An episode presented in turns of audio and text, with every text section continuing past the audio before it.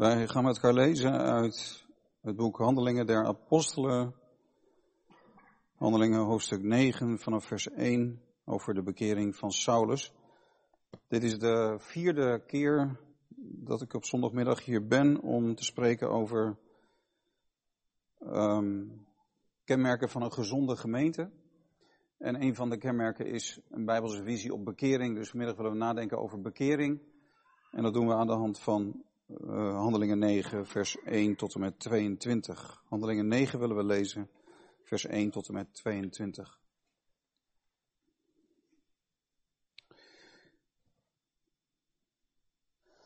Saulus nu, die tegen de discipelen van de Here nog steeds brieste van dreiging en moord, ging naar de hoge priester toe en vroeg van hem brieven voor Damascus gericht aan de synagogen opdat als hij er enige zou vinden die van die weg waren, zowel mannen als vrouwen, hij die geboeid naar Jeruzalem zou brengen. En terwijl hij onderweg was, gebeurde het dat hij dicht bij Damascus kwam. En plotseling omscheen hem een licht vanuit de hemel. En toen hij op de grond gevallen was, hoorde hij een stem die tegen hem zei, Saul, Saul, waarom vervolgt u mij?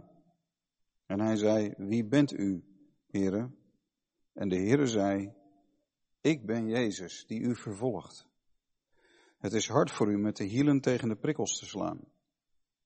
En hij zei bevend en verbaasd, Heere, wat wilt u dat ik doen zal? En de Heere zei tegen hem, sta op en ga de stad in en daar zal u gezegd worden wat u moet doen. En de mannen die met hem meereisden, stonden sprakeloos, want zij hoorden wel de stem, maar zagen niemand. En Saulus stond op van de grond en toen hij zijn ogen opendeed, zag hij niemand. En ze leidden hem bij de hand en brachten hem naar Damascus. En gedurende drie dagen kon hij niet zien en at en dronk hij niet. En er was een zekere discipel in Damascus van wie de naam Ananias was. En de Heer zei tegen hem in een visioen, Ananias. En hij zei, zie, hier ben ik, heren. En de Heer zei tegen hem, sta op en ga naar de straat die de rechte genoemd wordt. En vraag in het huis van Judas naar iemand van wie de naam Saulus is, uit Tarsus. Want zie, hij bidt. En hij heeft in een visioen gezien dat een man van wie de naam Ananias was, binnenkwam en hem de hand oplegde, opdat hij weer ziende zou worden. Ananias antwoordde echter, Heere, ik heb van velen over deze man gehoord, hoeveel kwaad hij uw heilige in Jeruzalem gedaan heeft. Hij heeft hier volmacht van de overpriesters om allen gevangen te nemen die uw naam aanroepen. Maar de Heere zei tegen hem, ga, want deze is voor mij een uitverkoren instrument om mijn naam te brengen naar de heidenen en de koningen en de Israëlieten. Want ik zal hem laten zien hoeveel hij moet lijden voor mijn naam. En Ananias ging heen en ging het huis binnen. En na hem de handen opgelegd te hebben, zei hij, Saul, broeder, de Heere heeft mij gestuurd, namelijk Jezus, die u verschenen is op de weg waar langs u gekomen bent, opdat u weer ziende zou worden en met de Heilige Geest vervuld zou worden. En meteen viel hem als het ware schellen van de ogen en onmiddellijk werd hij weer ziende en hij stond op en werd gedoopt. En toen hij voedsel genomen had, sterkte hij aan. En Saulus verbleef enige dagen bij de discipelen in Damascus. En meteen predikte hij Christus in de synagogen dat hij de zoon van God is. En alle die het hoorden waren buiten zichzelf en zeiden, is dit niet degene die in Jeruzalem en die deze naam aanriepen uitroeide en die daarom hier gekomen is om hen geboeid naar de overpriesters te brengen? Maar Saulus werd meer en meer gesterkt en hij bracht de Joden die in Damascus woonden in verwarring door aan te tonen dat Jezus de Christus is. Tot zover. In de eerste plaats zien we hier dat Saulus dacht dat hij goed bezig was, maar hij was heel erg verkeerd bezig. Hij meende um, goede dingen te doen door degene onder de Joden die beleden dat Jezus de Messias is, door hen te vervolgen. Dat komen we op allerlei plekken tegen. Er wordt gesproken over uitroeien. Is dit niet degene die in Jeruzalem hen die deze naam aanriepen uitroeide? Hij roeide de gemeente uit. Hij is verantwoordelijk geweest voor het wegrukken van vaders van hun kinderen en van hun echtgenotes. Hij is verantwoordelijk geweest voor de onterechte, onschuldige gevangenschap van mensen. Het is vandaag de zondag voor de leidende kerk trouwens. Daar denken we worden we ook bij bepaald door dit tekstgedeelte. Hij is zelfs verantwoordelijk geweest voor de dood van mensen. Ook als Stefanus gestenigd wordt, de eerste martelaar die we tegenkomen in het boek Handelingen, dan zijn degenen die dat doen, die leggen hun, hun, hun, uh, hun jas aan de voeten van een man, Saulus genaamd. Saulus was daarbij. Saulus gaf misschien wel opdracht voor de steniging van Stefanus. Hij was onderweg naar Damascus om ook daar degene onder de Joden die Jezus als Messias beleden, om die als gevangenen mee te nemen. Om gevangenen van hen te maken, om hen te beroven van hun vrijheid. En als Ananias door de Heer geroepen wordt, dan brengt Ananias in, Heren, ik heb veel over deze man gehoord, hoeveel kwaad hij uw heilige Jeruzalem heeft aangedaan. Hoeveel kwaad. En we leren uit deze geschiedenis van Saulus dat het mogelijk is voor een mens om te menen dat je goed bezig bent, om te menen dat je op het rechte spoor zit en met een goede zaak bezig bent, terwijl je heel verkeerd bezig bent. En er was een blindheid bij Saulus en zo kunnen mensen zijn. Maar er is hoop. Wat dit ons leert, dit hoofdstuk ons leert, is ook dat er hoop is voor iedereen. Ik vind het zo mooi als je gewoon in de grote lijn kijkt naar wat hier gebeurt, is het notabene de grootste vervolger van de gemeente. De Jood die het meest anti-Jezus is. De Jood die het meest fel tekeer gaat tegen het geloof in Jezus als zijnde de Messias. De grote vervolger van de gemeente wordt de grote verkondiger van het evangelie. Het is geweldig. Dit laat ons zien de soevereiniteit van God. De soevereiniteit van Jezus Christus. Ook in wie er tot geloof komen. Hij kiest de zijne uit en hij, hij grijpt in in het leven van mensen. En het is, het is genade. En er gebeurt iets vanuit een geopende hemel. De geest is uitgestort en Christus bouwt zijn gemeente door de Heilige Geest. En dat gaat door tot op de dag van vandaag. Dat betekent dat er ook hoop is voor de kerk in Nederland. Er is hoop voor de kerk in ieder land. Want de Heer regeert over alle machthebbers in deze wereld. En Hij grijpt mensen bij hun nekvel. Zoals we hier gezien gebeuren bij Saulus en dat mag ons ook bemoedigen vanmiddag, maar ook voor jou persoonlijk. Als je misschien denkt, is er voor mij wel vergeving mogelijk?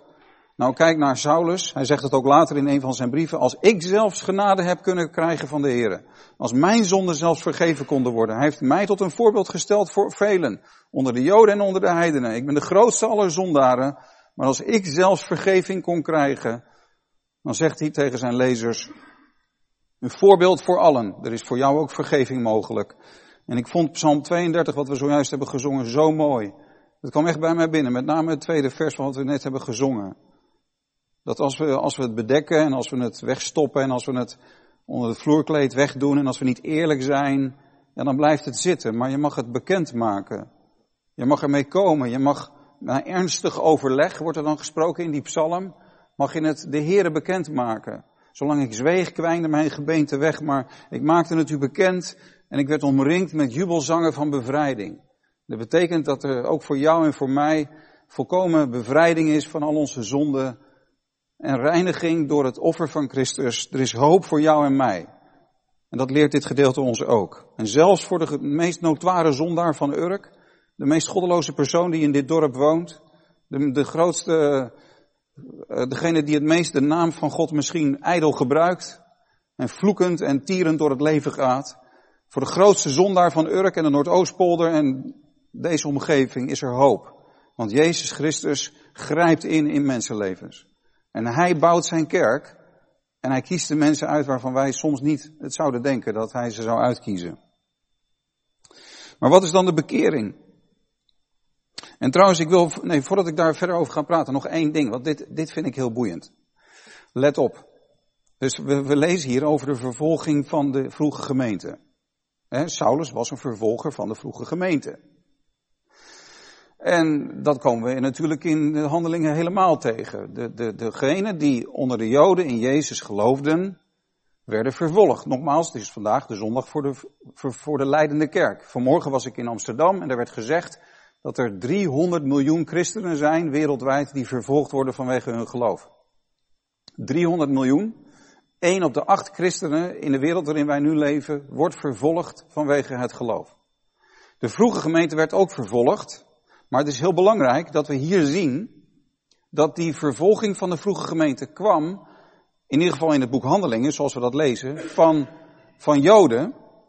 Maar dat gebeurde ook richting Joden. Dus er waren Joodse leiders, zoals Saulus voor zijn bekering. En andere Joodse leiders natuurlijk, ook in de tijd van Jezus waren er hoge priesters en uh, schriftgeleerden en fariseeën. Joodse religieuze leiders, die keerden zich tegen Jezus. En later waren er ook Joodse leiders, die keerden zich tegen Joden die in Jezus geloofden. De vroege gemeente werd vervolgd door religieuze Joodse leiders, maar ze waren zelf ook Joden. En dat vergeten wij vaak. Dat die vroege gemeente, dat waren allemaal Joden. Waarom zeg ik dit? Omdat later, toen de kerk heidens werd, waarmee ik bedoel, toen de kerk vooral ging bestaan uit niet-Joden, gingen de niet-Joodse leden van de kerk zeggen, kijk, die Joden die vervolgden de kerk. En dus gingen de heidenen die in Jezus waren gaan geloven, de Joden vervolgen. Zo van, kijk, de Joden zijn altijd de vijanden van het evangelie geweest.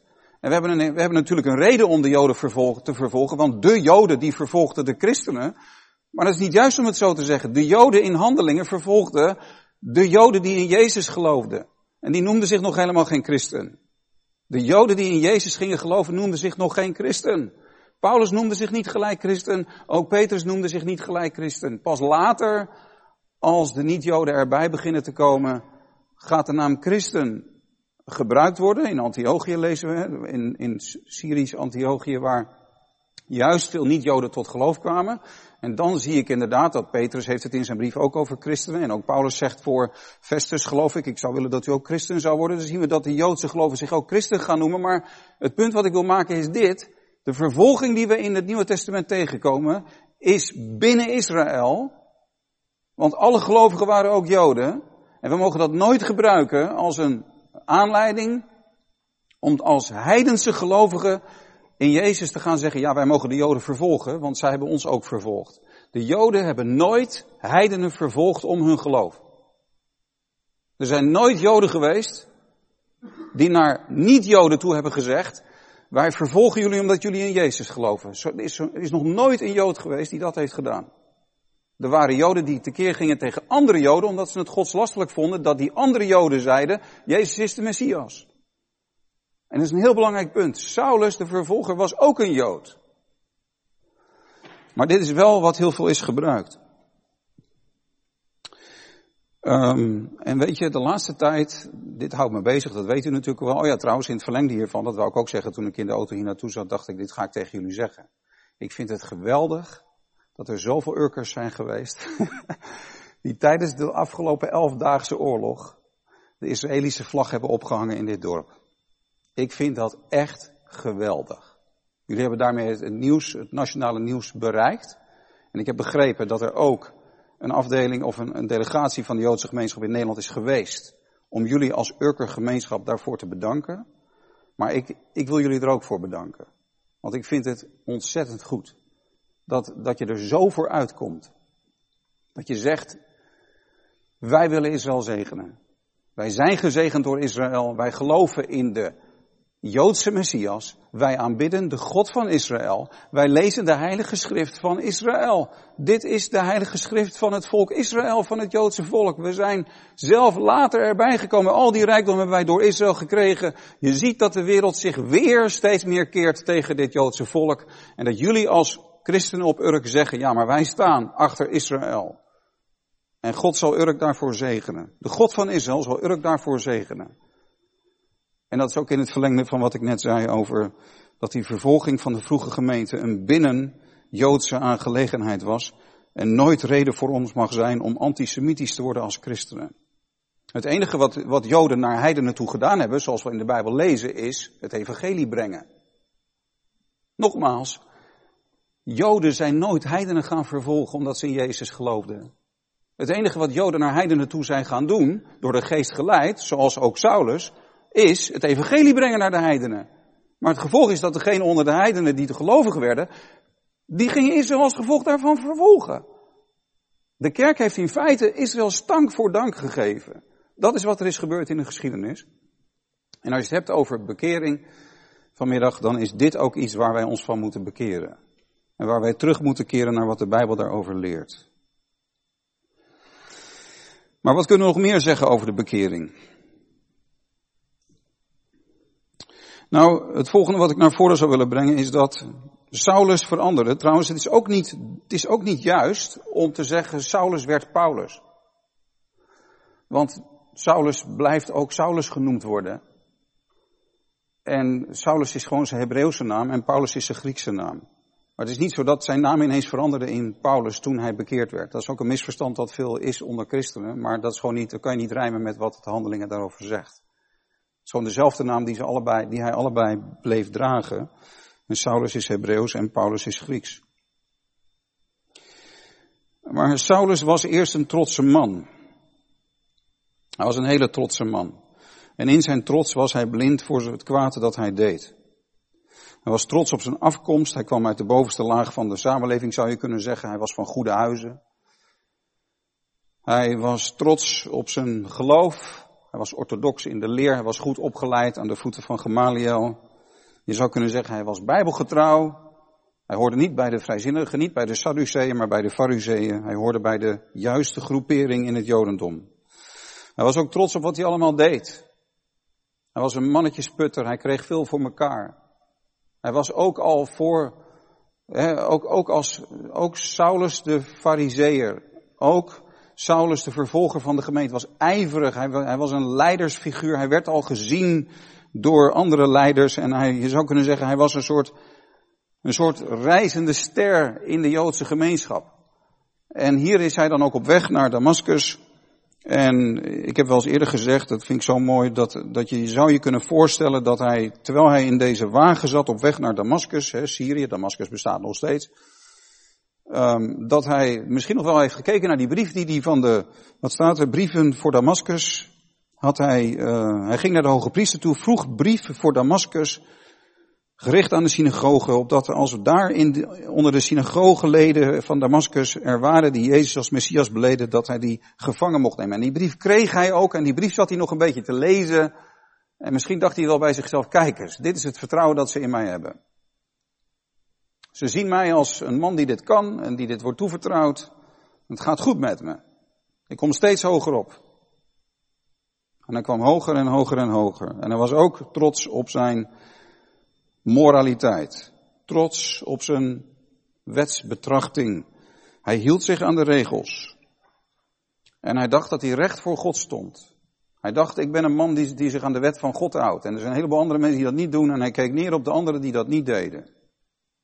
Als er één ding is, wat een verschil is tussen een bekeerd, een niet bekeerd iemand en een bekeerd iemand, is het wel op dit gebied. Hij was een trotse man. En hij roemde in zichzelf. En hij was op weg naar de top.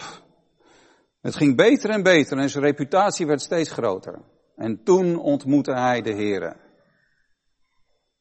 En dat het van God kwam, dat was onmiskenbaar. Er was plotseling een licht dat hem uit de hemel omstraalde, omscheen, staat hier. En hij viel op de grond. Dat was, dat was overweldigend. Dat was dat was hemels, dat was niet weerstaan, dat was, hij, hij viel op de grond daardoor. En een stem sprak tegen hem, Saul, Saul, waarom vervolgt u mij? En hij wist dat het de Heere was.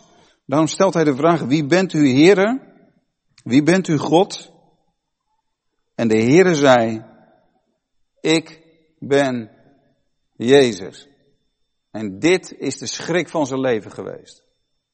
Hij vervolgde Jezus, hij vervolgde de naam van Jezus, hij vervolgde de gelovigen in Jezus. Hij zei, het is onmogelijk dat Jezus de Messias is, dat Jezus is wie hij zei dat hij was.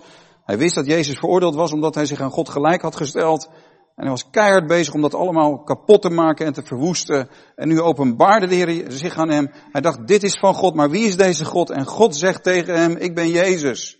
En Jezus was niet steeds hoger opgekomen. Maar Jezus was steeds verder afgedaald. Jezus was aan het kruis geëindigd. Jezus was alles verloren. Jezus was niet populair. Ja, wel onder veel Joden, maar ook onder velen niet. En hij is afgewezen. En ze hebben van hem gezegd, weg met hem. En Jezus heeft geleden. En Jezus is bespuwd. En Jezus is met een doornenkroon gekroond. En Jezus is gemarteld en geslagen en gekruisigd en gestorven aan het kruis als een misdadiger.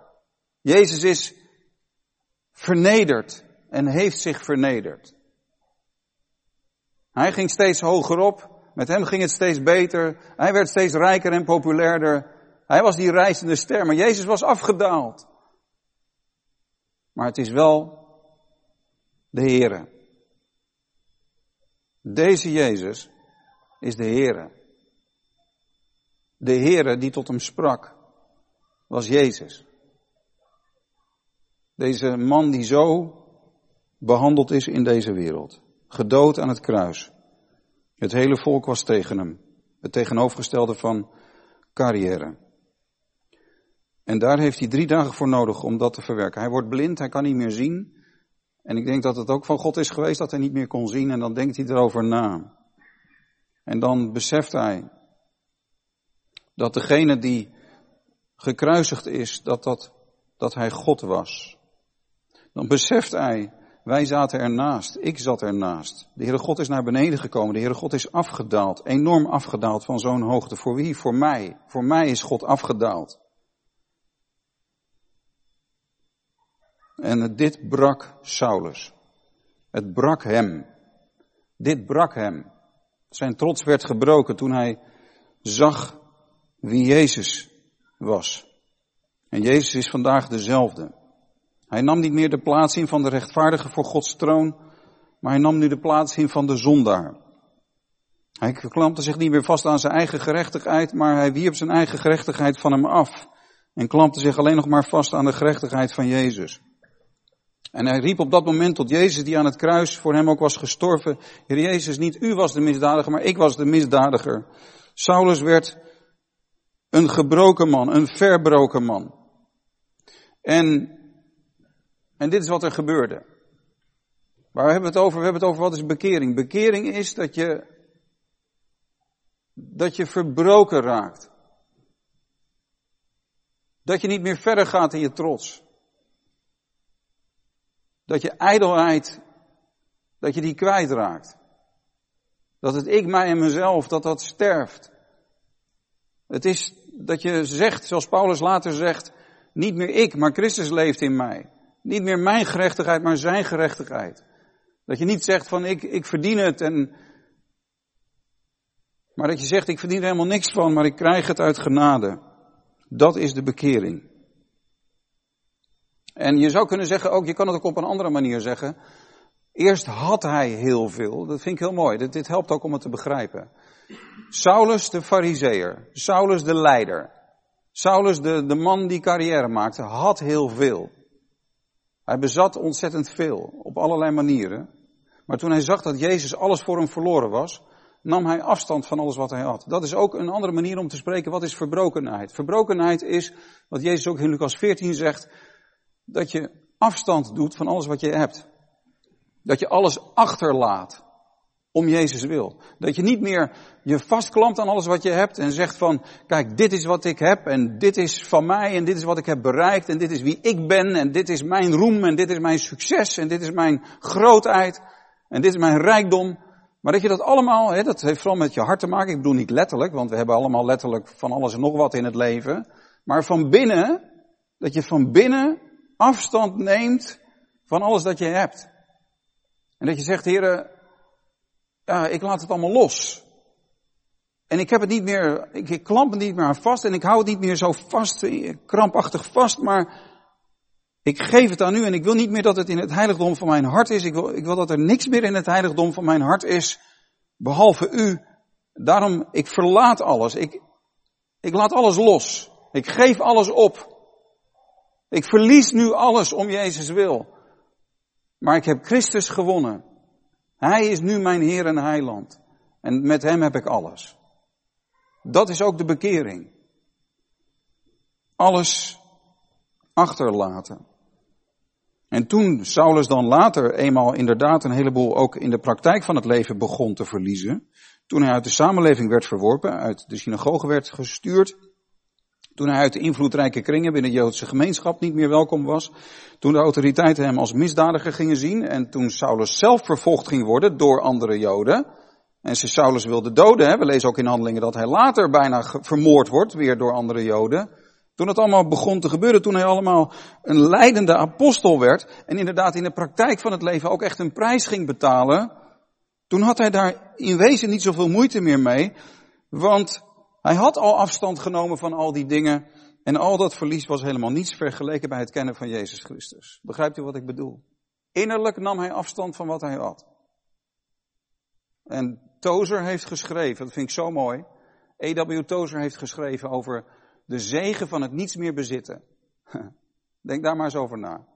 De zegen van het niets meer bezitten. Niet letterlijk, nogmaals, want natuurlijk hebben wij bezittingen en er is geen bijbels verbod op bezittingen. Helemaal niet. Maar innerlijk, innerlijk, niets meer bezitten, in de zin van je hebt geen afgod meer. Je zit niet meer vast aan je geld. Je zit niet meer vast aan dit leven zoals het nu is. Je zit niet meer vast aan je eigen roem en succes en dat het allemaal perfect moet zijn. Maar weet je, de zegen van het niets bezitten. Je hebt Christus. Christus is in je leven gekomen en als je dan in dit leven soms lijdt, zoals Saulus ook heeft geleden, en als je dan daadwerkelijk soms verliezen lijdt in dit leven, dan is dat toch heel anders dan wanneer je innerlijk nog helemaal vastzit in al die dingen. En dat is ook een prachtige beschrijving van de bekering. De man die altijd omhoog was gegaan, was nu tevreden om met Jezus naar beneden te gaan in het leven. Hij was tevreden. En als je er goed over nadenkt, dat vind ik ook zo mooi, want wie zijn leven verliest zal het vinden. Als je afstand doet van alles wat je hebt, dan zal je heel veel gegeven worden. De laatste zullen de eerste zijn. Dat is een grote paradox van het leven. Denk er even over na. Als Saulus, de succesvolle, rijke, populaire en uh, was gebleven met een hoge positie in de Joodse samenleving, had niemand ooit meer aan deze man gedacht. Dan was hij een van de velen geweest die geen invloed op de geschiedenis zou hebben gehad. Maar nu hij alles verloren was om Jezus wil en Christus als Heer had leren kennen en inderdaad een leidende apostel is geworden. We kunnen over zijn lijden lezen in de Bijbel. Hij is een van de meest invloedrijke personen aller tijden geworden. En zo gaat het altijd. Zo gaat het altijd. Dat wat jij opgeeft voor Jezus, dat, dat zal je rijk maken. Dat wat je achterlaat om Jezus wil, het zal je worden vergoed.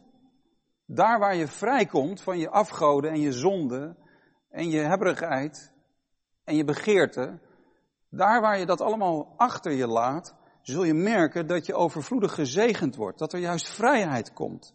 De zegen van het niets bezitten. Je gaat vrucht dragen. Saulus ging vrucht dragen. Omdat hij zich had gekeerd tot de Heer Jezus. Wie zijn leven verliest zal het vinden. En je zult vele malen terugkrijgen. En je zult 30, 60, 100 fout vrucht gaan dragen. Dat is wat de Bijbel leert.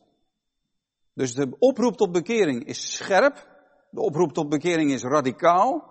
De oproep tot bekering zegt, je moet alles geven. En tegelijkertijd is het het meest genezende, het meest zegenrijke wat, wat er maar kan gebeuren en wat je maar kan doen. Dus het is juist die scherpe boodschap, boodschap die het meest tot zegen is voor mensen. Als we een slap evangelie gaan prediken waarin geen oproep tot bekering meer klinkt, zal er ook weinig zegen het leven van mensen binnenstromen. Dat is de grote paradox. Als we de scherpte van de oproep van het evangelie laten staan, zal ook de zegen en de vrucht die ontstaat in het leven van de gelovige zal zich vermenigvuldigen. Daarom doen we mensen tekort als we water bij de wijn doen. En zijn we tot zegen van mensen bezig als we trouw blijven aan de Bijbel. Een ander punt wat ik zou willen noemen is dat we heel duidelijk zien dat als gevolg van deze verbrokenheid, we denken na over wat is bijbelse bekering, dat we zien dat er ook gehoorzaamheid komt bij, bij Paulus. Trouwens, ja, even, even ook in het kader hiervan, weet je, we zien dus dat de bekering is ten diepste de bekering tot een persoon. Dat heb ik tot nu toe beschreven. Saulus kwam tot Christus. En Jezus zei, kom tot mij. Hij zei niet, kom tot de wet. De wet is geen middelaar tussen mens en God. De wet heeft ook geen heiligende kracht ten diepste. De wet is goed, de wet is openbaring van Gods wil, maar de bekering is ten diepste de bekering tot een persoon. Je kunt heel christelijk zijn, je kunt heel kerkelijk zijn, je kunt heel, heel erg meedoen met de christelijke cultuur en je aan, in zekere zin aan de geboden houden, maar nog niet bekeerd zijn tot een persoon. Maar daar gaat het om, dat je tot hem bent gekomen. Dat je zijn roepstem hebt verstaan. En dat je tegen de Heer Jezus hebt gezegd vanuit je hart, Heer, hier ben ik, ik kom tot u. Heer Jezus, ik heb u nodig, ik roep uw naam aan. Die zijn naam aanroepen komt in dit hoofdstuk ook naar voren. Die zijn naam aanroepen, gewoon de naam van Jezus aanroepen en dan kom je tot hemzelf. En dan zul je merken dat hij zelf je leven binnenkomt. Het is een persoonlijke verhouding tot Jezus Christus. Dat is wat de bekering is. Maar als die verhouding tot Christus ontstaat, dan zien we dat de mensen die hem hebben leren kennen, hier komen we Saulus en Ananias tegen, dat ze gehoorzaam worden. Want onmiddellijk zegt Saulus, hij bevend en verbaasd zei Saulus, Heere, wat wilt u dat ik doen zal? En de Heere zei tegen hem, sta op en ga de stad in en daar zal u gezegd worden wat u moet doen. Dus Saulus zegt, wat wilt u dat ik doen zal? En God spreekt duidelijk tegen hem, de Heer Jezus spreekt duidelijk tegen hem, ga de stad in. En Saulus gehoorzaamt. Daarna zien wij, Ananias heeft ook Christus leren kennen. Jezus Christus is ook in zijn leven binnengekomen. En hij is in gebed en krijgt een visioen. En de Heer zei tegen hem dat hij naar de rechte straat moest gaan naar het huis van Judas en daar is Saulus uit Tarsus. En dan schrikt Ananias zich wezenloos, dat hebben we gelezen. En dan komt hij met een, met een tegenargument, ja maar heer wacht even, dit gaat niet goed, want deze man die is eh, heel verkeerd bezig. Dus er gebeuren hele rare dingen. Maar ook Ananias, ondanks zijn bezwaar, ondanks dat het vreemd is wat de Heer hier tegen hem zegt, dit is niet normaal, dit is, dit is niet verwacht, maar Ananias bracht in, heren, u weet dan niet hoeveel kwaad hij de heilige Jeruzalem heeft aangedaan. En wat hij hier is komen doen om hier, hè, hij is hier gekomen om degene die je nu geloven gevangen te nemen. En mag ik u even eraan herinneren, heren, dat ik daar zelf ook bij hoor. Deze man is hier gekomen om ook mij gevangen te nemen. Nu wilt u dat ik naar hem toe ga. Maar de Heer zegt, ga. Hij zegt tegen Saulus ga. En hij zegt tegen Ananias ga. En Ananias ging ook. Want deze is voor mij een uitverkoren instrument om mijn naam te brengen naar de heidenen en de koningen en de Israëlieten. Ik zal hem laten zien hoeveel hij moet lijden voor mijn naam. En Ananias doet het. Ook dat is een aspect van de bekering. Een aspect van de bekering is dat we gaan luisteren naar de stem van de Heer. Dat we met, met Saulus ook zeggen, Heer, wat wilt u dat ik doen zal tegen de Heer Jezus? En dat als de Heer spreekt tot ons, dat we ook luisteren. Dat we gaan waar de Heer wil dat we gaan. Ik weet nog dat ik een tiener was en dat ik Anne van der Bijl op een gegeven moment hoorde zeggen. En hij, hij heeft ons zo uitgedaagd toen. Dat was zo levensveranderend voor mij ook. En Anne van der Bijl zei op een gegeven moment, dan word je iemand die, als de Heer zegt, gaat, ga, dan ga je. Als de Heer zegt, bid, dan ga je bidden. En als de Heer je roept om te vasten, dan ga je vasten. En als de Heer je vraagt om naar iemand toe te gaan, dan ga je naar iemand toe.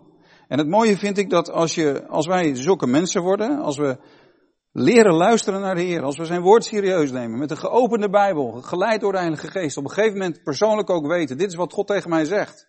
Ik geloof dat die leiding van de Heer ook voor ons, zoals we die in handelingen tegenkomen, ook voor ons reëel is. Als we gaan luisteren naar die leiding van de Heilige Geest in ons leven, dat we bijzondere dingen zullen meemaken. Ik sprak laatst een broeder, die woont in Harderwijk, hoort bij onze gemeente in Harderwijk. Hij is, hij is nu met pensioen. Hij houdt heel veel van de Heer. Hij is heel enthousiast. Voor sommigen is hij te enthousiast. Maar ik mag hem geweldig. Ik heb een klik met hem.